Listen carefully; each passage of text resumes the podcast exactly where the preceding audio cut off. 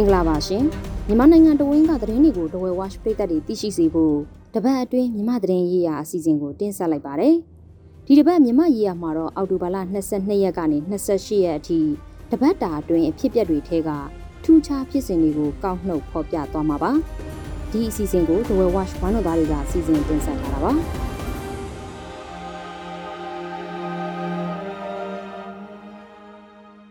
ရှမ်းပြည်နယ်မြောက်ပိုင်းမှာ မြောက်ပိုင်းမဟာမိတ်သုံးဖွဲ့ပူးပေါင်းပြီးတော့စစ်စင်ရေးလုပ်နေတာကြောင့်စစ်ရေးပြင်းထန်နေပြီးတရုတ်မြန်မာကုန်သွယ်ရေးလမ်းလည်းပြတ်တောက်သွားပါပြီ။ဆယ်လပိုင်း28ရက်နေ့ကိုအစွဲပြုပြီးတော့တစ်တုံညာနှစ်ခွန်စစ်စင်ရေးကိုကိုကန့်အဖွဲ့ MNDAA တအောင်းအဖွဲ့ TNL ရခိုင်အဖွဲ့ AA တို့ပူးပေါင်းပြီးအောက်တိုဘာလ28ရက်နနက်၄နာရီမှာစတင်ခဲ့တာပါ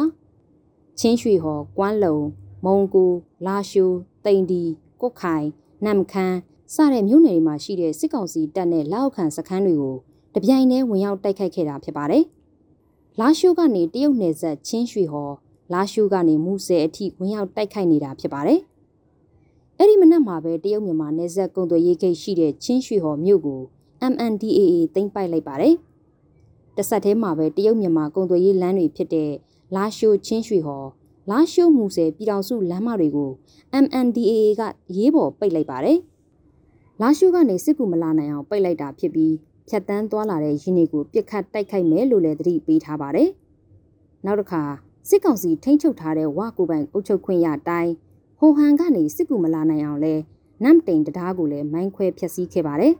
။ချင်းရွှေဟော်ဒေသခံတွေကတော့ UWSA ဝပြည်နယ်ဘက်ကိုထွက်ပြေးတင်းရှောင်နေကြပါတယ်။လာရှုမှာဆိုရင်မြို့အထွက်တိုးဂိတ်ပြည်သူစစ်စခန်းတွေစီးနှင်းတိုက်ခိုက်ခံရတယ်လို့နမ်ခမ်းမှာဆိုရင်လည်း စစ်ကောင်စီစခန်းနှစ်ခုကို TNL ကသိမ်းပိုက်လိုက်ပါတယ်။လာရှိုးလေစိတ်ကိုပိတ်ထားပြီးစစ်လေရင်တွေပဲအတက်အဆင်းလုပ်နေတယ်လို့သိရပါတယ်။ပြည်သူလူထုကိုကာကွယ်ဖို့မဟာမိတ်တပ်တွေပေါ်စစ်ကောင်စီတိုက်ခိုက်နေတာကိုဟန်တားဖို့စစ်အာဏာရှင်စနစ်အမြင့်ဖြတ်ဖို့တရုတ်မြန်မာနယ်စပ်အပါအဝင်ပြည်တွင်းမှာကျယ်ပြန့်လာတဲ့အွန်လိုင်းလောင်းကစားလိမ်လည်မှုကုမ္ပဏီတွေကိုနှိမ်နင်းဖို့ဒီစစ်စင်ရေးကိုလှုပ်တာလို့မဟာမိတ်တွေဘက်ကထုတ်ပြန်ထားပါတယ်။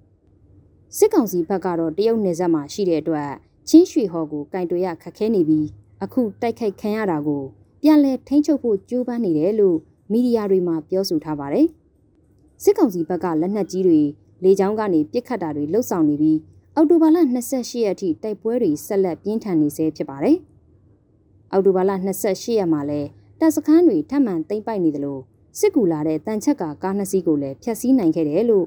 MNDAA ဘက်ကထုတ်ပြန်ပါတယ်။တိုက်ပွဲကြောင့်ရက်သားတိဆုံးထိခိုက်တာတွေလည်းရှိနေပါတယ်။တရုတ်နိုင်ငံဘက်ကတော့ရှမ်းမြောက်မှာတိုက်ပွဲပြင်းထန်နေတာကိုအများဆုံးရပ်ဆိုင်းပြီးနှစ်ဖက်ဆွေးနွေးကြဖို့တိုက်တွန်းထားပါတယ်။ကိုဗစ်ကပ်ဘေးကာလ2020ကပင်ပိတ်ထားတဲ့လူတွေ့ထောင်ဝင်စာကိုအောက်တိုဘာလ24ရက်နေ့မှာစတင်ပြီးတော့ပြန်လည်ခွင့်ပြုလိုက်ပါတယ်။ ကိုဗစ်ကန့်သတ်ချက်တွေကိုစစ်ကောင်စီကဖြေလျှော့ခဲ့ပေမဲ့ထောင်ဝင်စာအဲ့တွေ့ခွင့်ကိုတော့ဆက်လက်ပိတ်ပင်ထားရကနေအခုပြန်လည်ခွင့်ပြုလာတာပါဒီလိုပိတ်ပင်ထားတာဟာနိုင်ငံရေးအကျဉ်းသားတွေကိုမိသားစုဝင်တွေနဲ့တွေ့ခွင့်မရအောင်လုပ်တာလို့ဝေဖန်မှုတွေရှိခဲ့ပါတယ်ပြန်လည်ခွင့်ပြုချိန်မှာတော့ကန့်သက်ချက်တွေပါဝင်လာပါတယ်မပုံတင်မူရင်းအိမ်နောက်စုမူရင်းကိုဗစ်ကာကွယ်ဆေးထိုးထားတဲ့လက်မှတ်အပြင်ရက်ကွက်နဲ့ရဲစခန်းထောက်ခံစာပါလိုအပ်တယ်လို့ထည့်သွင်းထားတာပါ ဥပဒေအရတလနှစ်ကြိမ်တွေ့ခွင့်ပေးထားပေမဲ့အခုတော့တစ်လတစ်ကြိမ်ပဲတွေ့ခွင့်ပေးတယ်လို့သိရပါတယ်။ကနဦးမှာအကျဉ်းထောင်ငယ်တွေကိုပဲလူတွေ့ထောင်ဝင်စာခွင့်ပြုထားပြီးအင်းစိန်အပါအဝင် ထောင်ကြီးတွေမှာတော့နိုဝင်ဘာလဆန်းပိုင်းမှာခွင့်ပြုမယ်လို့လည်းသိရပါတယ်။လူတွေ့ထောင်ဝင်စာခွင့်ပြုလိုက်ပေမဲ့တေတံနဲ့တသက်တကြွကြခံနေရသူတွေကိုထောင်ဝင်စာတွေ့ခွင့်ခွင့်မပြုသေးဘူးလို့မြန်မာနောင်သတင်းတရက်မှာဖော်ပြထားပါတယ်။အခုလိုလူတွေ့ထောင်ဝင်စာခွင့်ပြုတာဟာ နိုင်ငံတကာဖိအားရောကြအောင်လုပ်တာဖြစ်နိုင်ပြီးလူဦးရေတွေ့ခွင့်ပြုတဲ့အချိန်မိသားစုဝင်ဖြစ်ရမယ်ဆိုတဲ့ကန့်သက်ချက်တွေများလွန်းတာကြောင့်မိသားစုဝင်တွေတွေ့ခွင့်ရဖို့အခက်အခဲများစွာကြုံရနိုင်တယ်လို့ထောက်ပြမှုတွေလည်းရှိနေပါတယ်။မြန်မာစစ်ကောင်စီခေါင်းဆောင်ဘူချုံမှုကြီးမင်းအောင်လှိုင်အပါအဝင်စစ်ကောင်ဆောင်10ဦးကိုဖိလစ်ပိုင်နိုင်ငံတရားရေးဌာနမှတရားစွဲဆိုဖို့ချင်းလူမျိုး9ဦးကတရားလိုလုပ်ပြီးရှောက်ထားလိုက်ပါတယ်။ 2021ခုနှစ်ကချင်းပြည်နယ်ထန်တလန်မြို့မှာစစ်ကောင်စီတပ်ကနေအိမ်တွေဖျားเจ้าတွေကိုမိရှုဖျက်ဆီးတာအယက်သားပြည်သူတွေကိုတပ်ဖြတ်ခဲ့တာ အကူအညီပေးရေးပစ္စည်းတွေကိုလက်နက်တပွဲအသုံးချတာတွေနဲ့ပတ်သက်လို့စုံစမ်းစစ်ဆေးအရေးယူပေးဖို့အော်တိုဘာလ25ရက်နေ့မှာရှောက်ထားလိုက်တာပါအခုလိုရှောက်ထားတာကိုချင်းလူအခွင့်အရေးအဖွဲ့ CHRO နဲ့မြန်မာနိုင်ငံတာဝန်ခံမှုစီမံချက် MAP အဖွဲ့တို့ကသတင်းထုတ်ပြန်ထားပါတယ်ကျူးလွန်သူနဲ့ကျူးလွန်ခံရသူဟာ ဖိလစ်ပိုင်နိုင်ငံသားမဟုတ်ရင်လည်းတိုင်ကြားလာရင်အရေးယူဆောင်ရွက်ရမယ်လို့ပြဋ္ဌာန်းချက်ပါတဲ့ဖိလစ်ပိုင်နိုင်ငံရဲ့နိုင်ငံတကာလူသားချင်းစာနာမှုဆိုင်ရာအဥပဒေအရအခုလိုတိုင်ကြားတာလည်းဖြစ်ပါတယ်။တရားစွဲဖို့ရှောက်ထားတဲ့တရလူတွေထဲမှာထန်တလန်ဖြစ်စဉ်မှာနစ်နာသူတွေရဲ့မိသားစုဝင်2ဦးလည်းပါဝင်ပါတယ်။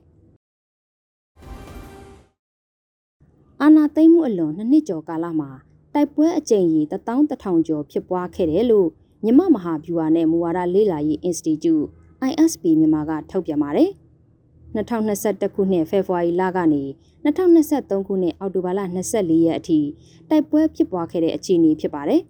။ဒီနှစ်6လကျော်ကာလအတွင်းမှာတိုက်ပွဲအကြိမ်ရေ2800ကျော်ဖြစ်ပွားခဲ့ပြီးအဲ့ဒီအထက်ကထက်ဝက်နီးပါးကစစ်ကောင်စီတပ်နဲ့တိုင်းရင်းသားလက်နက်ကိုင်အဖွဲ့ဒေသခံပူးပေါင်းကာကွယ်ရေးအဖွဲ့တွေနဲ့စစ်ကောင်စီတပ်ကြားဖြစ်ပွားခဲ့တာပါ။နောက်41ရာခိုင်နှုန်းကျော်ကတော့ စစ်ကောင်စီနဲ့ဒေသခံကာကွယ်ရေးတပ်ဖွဲ့တွေကြားဖြစ်ပွားတာလို့ဆိုပါတယ်။တိုင်းရင်းသားလက်နက်ကင်တပ်ဖွဲ့တွေကြားချင်းချင်းဖြစ်ပွားတာတွေလည်းရှိနေပါတယ်စစ်ကောင်စီကလေကြောင်းတိုက်ခိုက်မှုဟာတရက်နှစ်ကြိမ်လုံးရှိနေတယ်လို့ညံလင်းသည့်သူတေသနာအဖွဲ့ကထုတ်ပြန်ပါတယ်ဒီနှစ်မေလကနေဩဂုတ်လအထိရပ်ပေါင်း123ရက်အတွင်းလေကြောင်းတိုက်ခိုက်မှု282ကြိမ်ရှိခဲ့တဲ့အတွက်တရက်ကိုပြမ်းမြ2ကြိမ်နှုန်းရှိနေတာလို့ဆိုပါတယ်။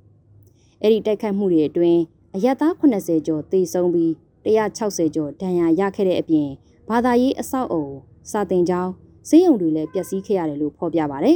။တိုက်ခိုက်မှုတွေဟာကရင်နီနဲ့စကိုင်းမှာအများဆုံးဖြစ်ခဲ့တာလို့ဆိုပါတယ်။အာနာသိမ့်မီချိန်ကနေလေကြောင်းတိုက်ခိုက်မှုအကြိမ်ကြီး900ကျော်ရှိခဲ့ပြီးအရက်သား680ကျော်တိဆုံးခဲ့ရတယ်လို့လည်းအောက်တိုဘာလ23ရက်နေ့ကထုတ်ပြန်ထားပါတယ်။